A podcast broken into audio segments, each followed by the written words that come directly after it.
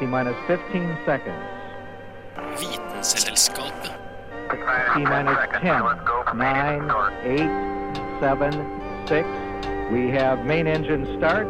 4, 3, 2, 1, and liftoff. Vitenselskapet. Vitenselskapet på Radio Nova.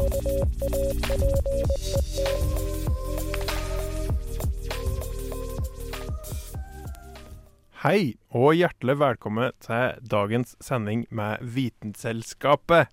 I dag så skal vi prate om alt som er paralyserende her i verden. Og skal prate om hvordan kroppen blir helt slått i lam tilstand. Skal prate om noe marerittaktige dyr som plager stakkars eh, edderkopper. Og vi skal høre om at kroppen kan bli så forvirra at eh, en ikke helt veit hva som skjer. Og i dag så har jeg, jeg er så heldig å ha fått med meg Julianne Li Fjell og Kristin Grydland Hei, i studio. Jeg heter Carl Adams Kvam, og du hører på Vitenselskapet på Radio Nova. I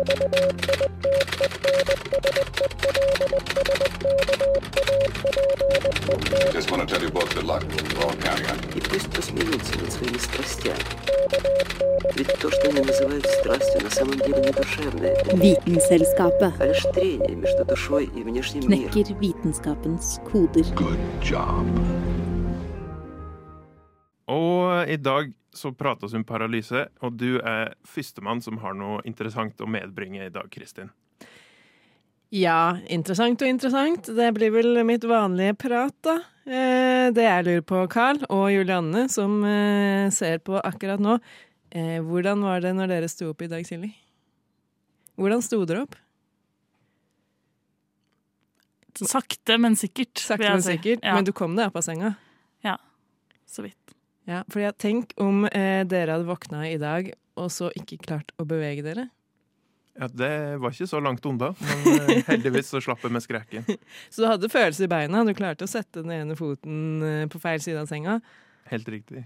Det hender jeg våkner og ikke um, har følelse i armen, da, hvis jeg klarer å sovne på den. Men uh, Ja, ellers uh, Det er jo, det er jo gjerne hvis du har eh, eh, sovet på den sånn at den er litt, litt sånn paralysert. Det er ikke det jeg snakker om nå. Eh, det jeg snakker om, er en form for lammelse som kan oppstå helt plutselig hos noen, og som ikke er fysisk. Så du har ikke vært i en ulykke nødvendigvis. Du har ikke eh, brekt nakken eller ryggen eller eh, noe sånt noe. Det er psykisk lammelse. Og det vil si at hjernen fungerer jo egentlig som den skal, og sender signaler til lemmene, la oss si beina, da, som den egentlig skal. Men allikevel så klarer du ikke å bevege beina. Du er lamma. Eh, og dette høres jo veldig rart ut. Eh, jeg syns det høres veldig merkelig ut. Eh, Men det skjer ikke så veldig ofte, men det skjer med flere folk også. Altså det er flere tilfeller i Norge og resten av verden. Og grunnen, eller det, diagnosen som settes på det her, er dissosiativ motorisk lidelse. Og dissosiativ, det kjenner dere kanskje til fra før. Det er at, man ikk, at det er noe man ikke kobler sammen. Mhm. Manglende assosiering. Ja, ikke sant? Assosiering, det er jo at du kobler sammen en ting til en annen. Og Dissosiering? Blir det riktig? Dissosiering. Ja. ja. Det, det jeg nettopp sa, dissosiativt, det er jo da at det ikke kobler seg sammen. Men jeg skjønner fortsatt ikke hvordan eller hvorfor. Nei, eh, det er jo en litt sånn omdiskutert eh, lidelse. Det er jo fremdeles noen som mener at det er noe fysisk også, det er bare noe vi ikke har funnet ut ennå. Eh, men, eh, men dissosiativ motorisk lidelse, det, det kommer jo gjerne av at man har opplevd eller annet, en eller annen form for traume, og så er det en reaksjon fra hjernen. Man har opplevd et traume, og så har man ikke helt klart å bearbeide dette på en god måte, da. Og så plutselig så er hjernen sånn Nei, nå, Nå er det nok. Nå må vi faktisk eh, liksom beskytte oss her. Og så kobler den seg fra. Eh, og det er jo ikke bare med motoriske ting, men dissosiative lidelser kan jo være eh, på andre områder også. For eksempel så kan man få hukommelsestap hvis man har opplevd et eller annet veldig traumatisk, og det har vi jo hørt om før. Ja, det er vel mer vanlig, vil jeg anta. Ja, jeg vet ikke om det er mer vanlig, men det er jo i hvert fall mer kjent, da. Eh, At hvis du opplever noe veldig fælt, så, så kan du på en måte fortrenge det. Da skaper eh, hjernen et hukommelsestap. Men det kan jeg forstå mye mer, for det er bare liksom, hjernen som ikke vil huske det som har skjedd. Men hvis kroppen bare Nei, jeg vil ikke bruke beina mine lenger. Ja, det høres jo veldig rart ut. Eh, du kan jo eh, også eh, dissosiere, dissosiere fra din egen identitet.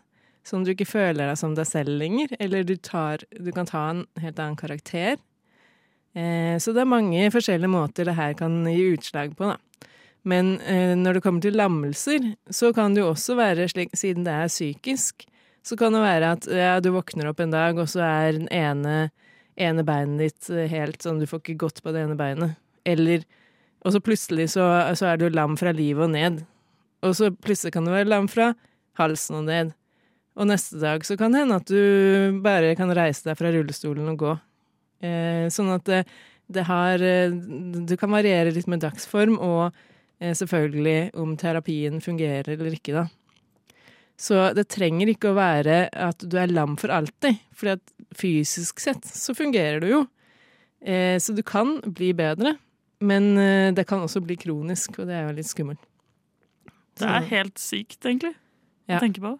Og en eh, Det her behandles jo gjerne eh, med Du kan jo ha psykomotorisk fysioterapi, men også vanlig terapi, samtaleterapi og traumebehandling. Og så kan man bli bedre. Hva som hjelper, er litt individuelt. Men det som ikke hjelper, er å be folk om å skjerpe seg. Og det skjønner jeg kan være litt fristende, når man vet at dette her er psykisk. Det er ikke noe fysisk galt. Herregud, øh, må jeg liksom Må jeg bære deg? Kan du ikke gå selv? Kan du ikke bare sette beina foran andre? Det er jo bare å huske at du kan bruke hjernen. Ja, ikke sant? Bare gjør det. Eh, og det eh, Hvis man eh, ber folk om å gjøre det, så er sjansen for at de blir verre, faktisk er ganske stor. Og det kan jeg forstå, for da, du blir jo ikke tatt alvorlig. Det er vel det samme med nesten alle psykiske lidelser, egentlig. Ja, ikke be folk om å skjerpe seg. Eh, man har store nok problemer fra før. Du trenger ikke å liksom gni det inn. Ja. Nei, det er veldig vanskelig når eh, ledningene fungerer. Vilja er der, men du finner ikke ljosbryteren. Oh, it's fun. I mean, the natural world is just fun. Du hører på Vitenselskapet på Radio Nova. What more do you want?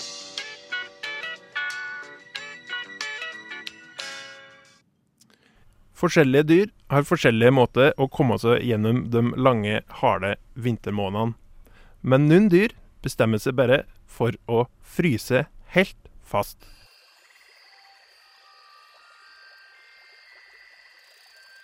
Når man går fra en årstid til en annen, spesielt når det blir kaldere i nord, er jo det en enorm forandring som skjer i naturen.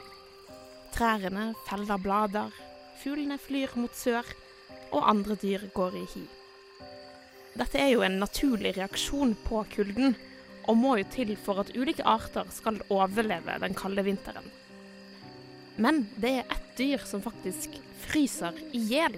Eller ikke i hjel fordi den overlever og blir fryst og tint igjen når våren kommer tilbake. Og det er frosken. Men hvordan er det egentlig mulig? Frosker er såkalte ektoterme, eller vekselvarme dyr, som betyr at kroppstemperaturen deres er den samme som temperaturen i omgivelsene den bor i. Mens vi mennesker er jo ikke det. Vi holder jo 37 grader, selv om det er minus 10 grader ute. Det at frosken har lik temperatur som omgivelsene, betyr jo at den kan bli veldig varm om sommeren og iskald om vinteren. En type skogfrosk fra Nord-Amerika klarer faktisk å overleve og bli fryst og tint igjen. Og hemmeligheten bak dette er at den bl.a. ikke tisser en dråpe om vinteren. Dette gjør jo at stoffene inni urinen øker i kroppen, og i tillegg til det begynner leveren å skille ut mye sukker ut i blodet.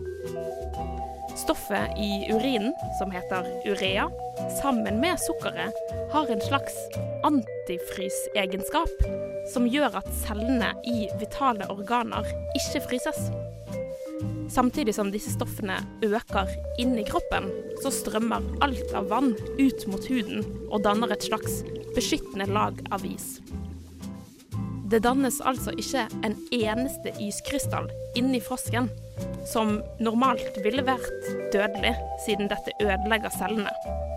I tillegg til dette så stopper hjertet å slå, og den stopper også å puste. Men når våren kommer tilbake og temperaturen øker, øker også kroppstemperaturen, og frosken kommer til liv på nytt. Disse egenskapene til frosken har jo selvfølgelig ført til tanker og ideer om hvordan man kan overføre disse til mennesker.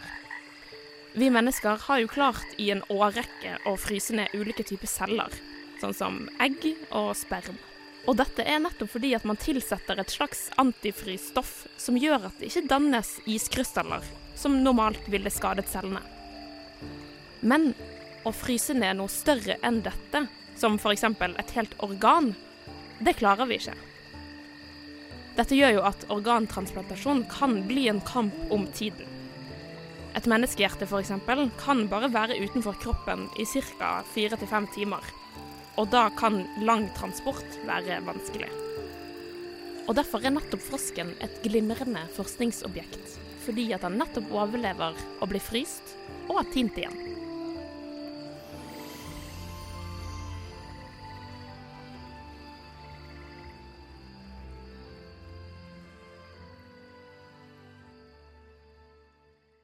Og den som kvekka fram denne saken her, var Anna Vik Rødseth.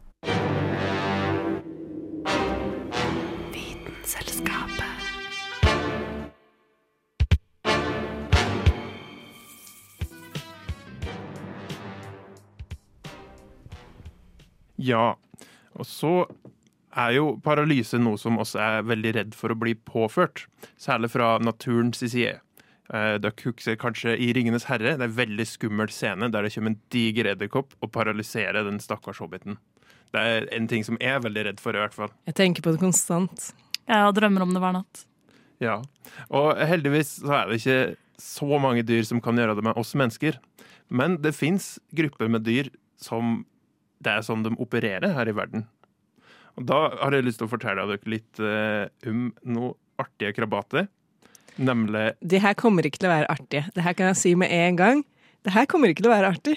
Jeg føler det her er sånn som kommer til å gi meg mareritt uh, neste uke. Ja, kjør på. Det jeg håper. Det er nemlig parasittkvekser. Og ingen som er særlig glad i kveks, og ingen som er særlig glad i parasitter. Slå Når du sier kveks, mener du veps? Ja, det er helt riktig. Det er fint at du avklarer. For uh, Trenger oversetter. Uh, Ja. Du kan leie meg inn som tolk. Ja, det, takk for den. Ja. Så parasittkveksene, da. Det er mange forskjellige arter som da spesialiserer seg i parasittisk oppførsel, og det er da når de formerer seg. Fordi når du skal få baby, så har jo oss vår måte å gjøre det på. Mens eh, de parasittkveksene her, da, de tar og finner seg en eller annen stakkars edderkopp eller bille. Veldig mange som tar og angriper sommerfugler. Flotte dyr som blir utsatt for faenskap. For det som er, da, er at de paralyserer de stakkarsene her, og så fyller de med eggene sine. Ja, så hvis vi hadde liksom ført det her over på oss, da, så hadde et dyr kommet, gjort oss lamme, og så lagt egg i kroppen vår. Jepp. Og når du da eh, har ligget der ei stund, da, og de eggene begynner å bli modne, så har jo de maten klar.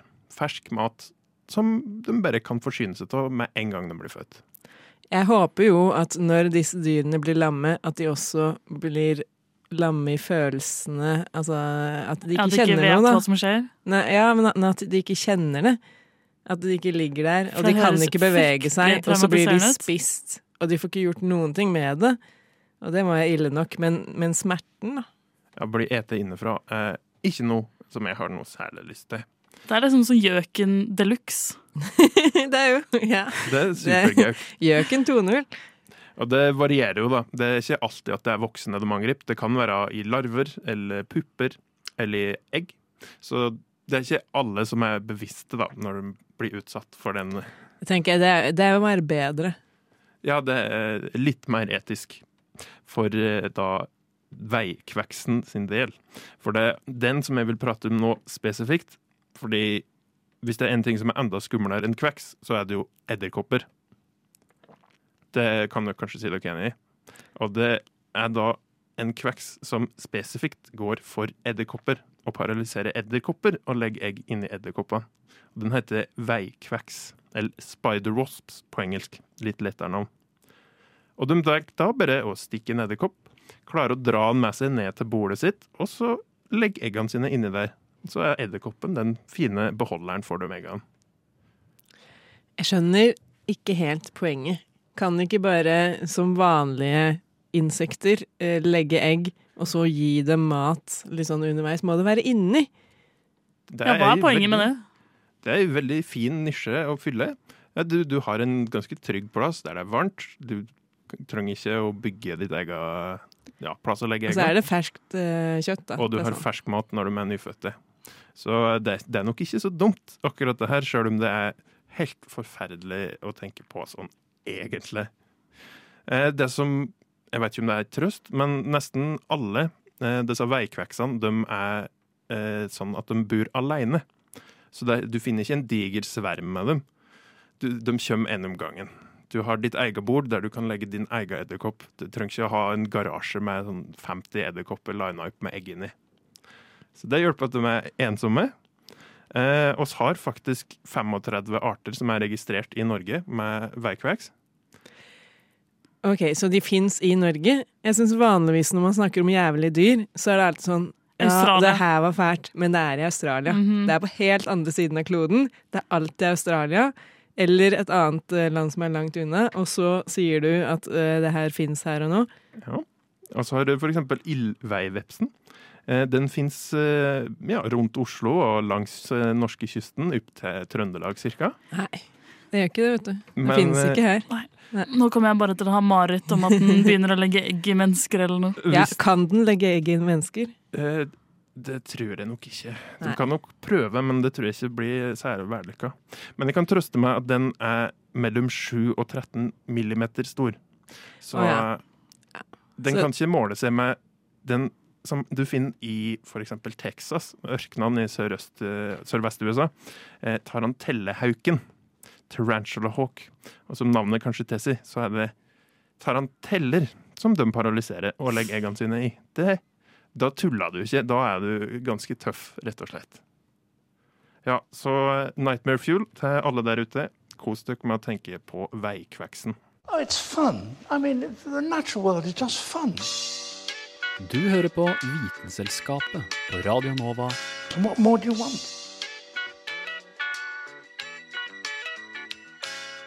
Jeg syns du ser litt ufokusert ut, jeg, Karl. Hva tenker du på? Nei, jeg prøver nå å få fokus her, men kroppen, den, den vil. Hjernen vil ikke. Den er litt paralysert. Og det, det er vanskelig dette med konsentrasjonsevne. Kanskje jeg skulle tenkt litt mer på det. Du har kanskje fått med deg at mennesker nå har dårligere konsentrasjon enn gullfisk. Ifølge en rapport publisert av Microsoft Canada i 2015 kan mennesker nå kun konsentrere seg i åtte sekunder i gjennomsnitt, mens tilsvarende for en gullfisk er ni sekunder. I 2002 så kunne vi mennesker visstnok konsentrere oss litt lenger, i hele tolv sekunder.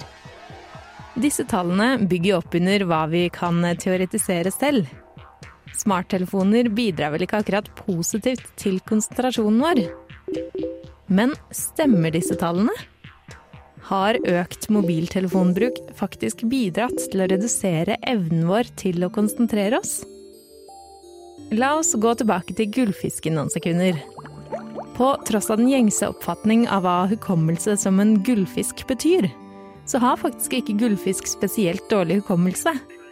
Visstnok har gullfisk omtrent like god læringsevne som mange pattedyr og fugler, og de kan trenes til å løse bl.a. labyrinter, gjenkjenne andre fisk og huske hvilke lyder som betyr mat. Akkurat hvor lang hukommelse eller konsentrasjonsevne gullfisk har, har imidlertid ikke forskerne avdekket ennå. For hvordan måler du egentlig hvor lenge en gullfisk kan konsentrere seg? Her begynner vi å ane at det er noe som ikke helt stemmer i Microsoft-studien nevnt innledningsvis. Gullfisk kan antageligvis konsentrere seg mye lenger enn ni sekunder. Betyr det at vi mennesker kan konsentrere oss lenger enn de påståtte åtte sekundene også?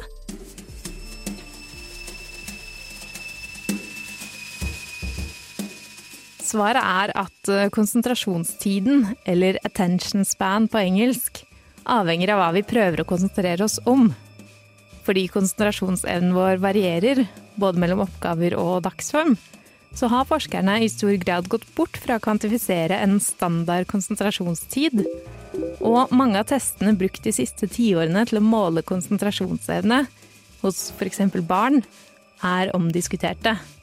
Men om det ikke er mulig å kvantifisere hvorvidt vi mennesker har fått dårligere konsentrasjonsevne i løpet av de siste årene, hvorfor er jeg så vanskelig med å komme meg gjennom en avisartikkel i én lesning, mens farfar kan lese mange hundre sider i bøker sammenhengende? Noe av svaret ligger i hva som er tilgjengelig for oss av informasjon og forstyrrelser. Evolusjonært sett er vi spissa til å sette pris på ny informasjon og ting som beveger seg, siden forfedrene våre var avhengig av denne egenskapen for å overleve. Evnen til å konsentrere seg om ny informasjon, som f.eks. værskifter og hvor man kunne finne mat, og å være på vakt for dyr i bevegelse, ga overlevelse. I dag er vel ikke det å klikke seg gjennom YouTube fra den ene kattevideoen til den andre et direkte spørsmål om liv og død. Men menneskenaturen vår får oss allikevel til å synes at ny informasjon er veldig spennende. I hvert fall mer spennende enn eksamenspensum.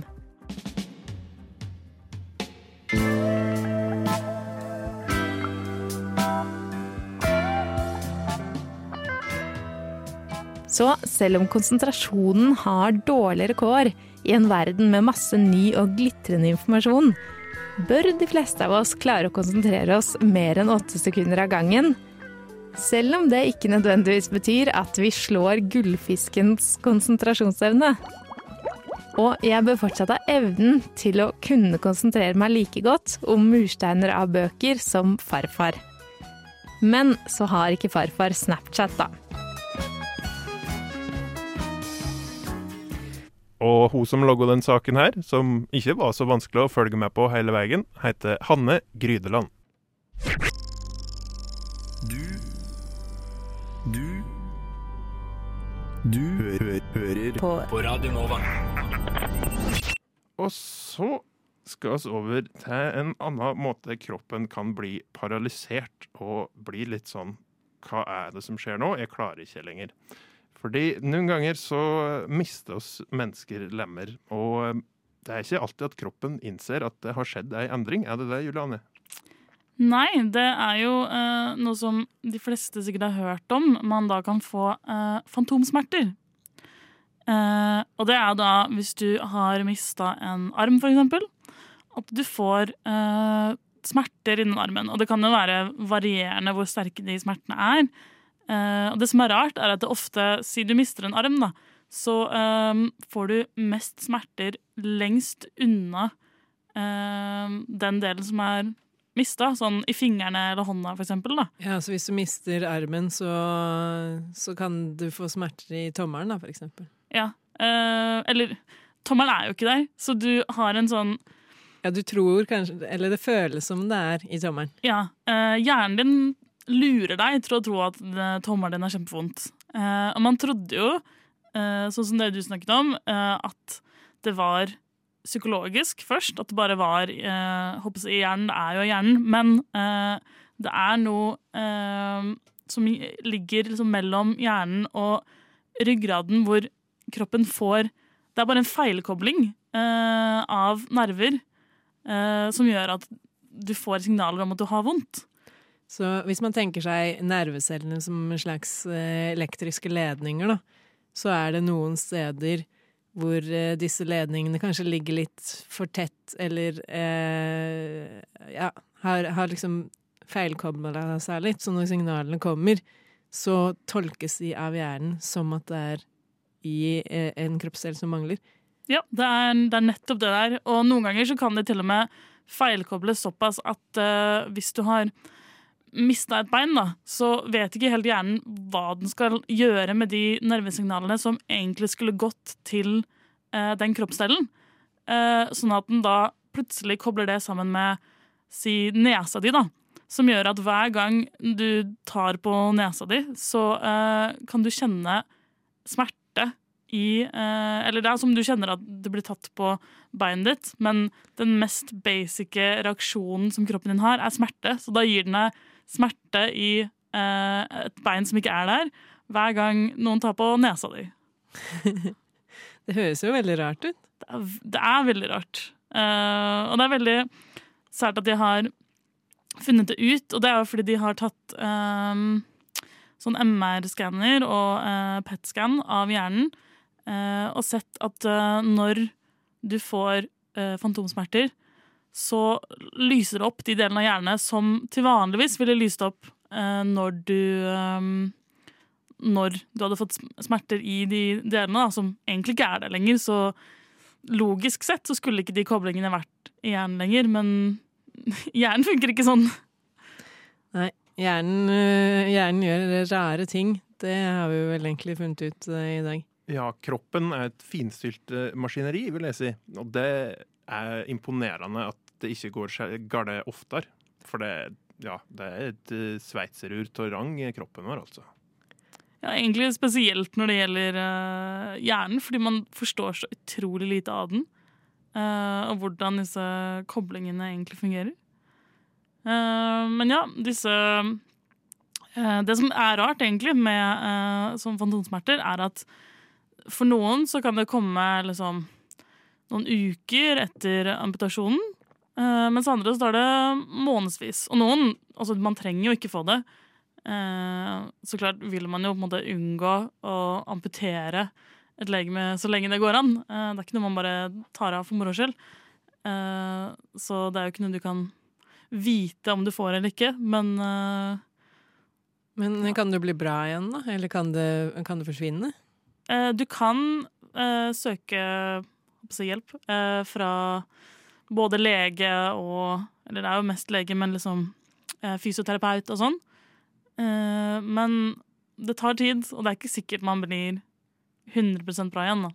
Ja, det er en merkelig måte kroppen kan bli paralysert i en tilstand som en ikke lenger er i. Takk til det for det, Juliane.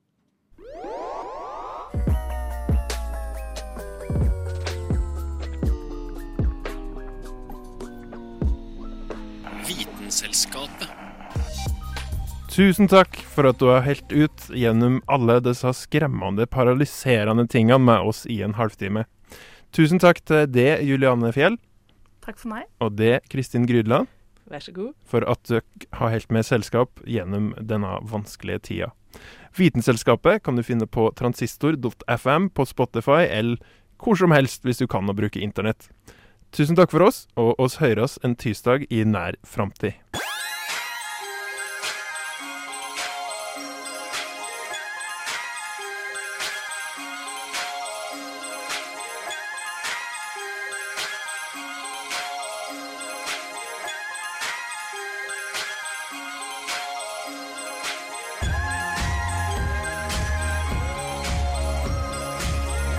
Siden 1982 har Radionova gitt deg favorittmusikken din. Før du visste at du likte den.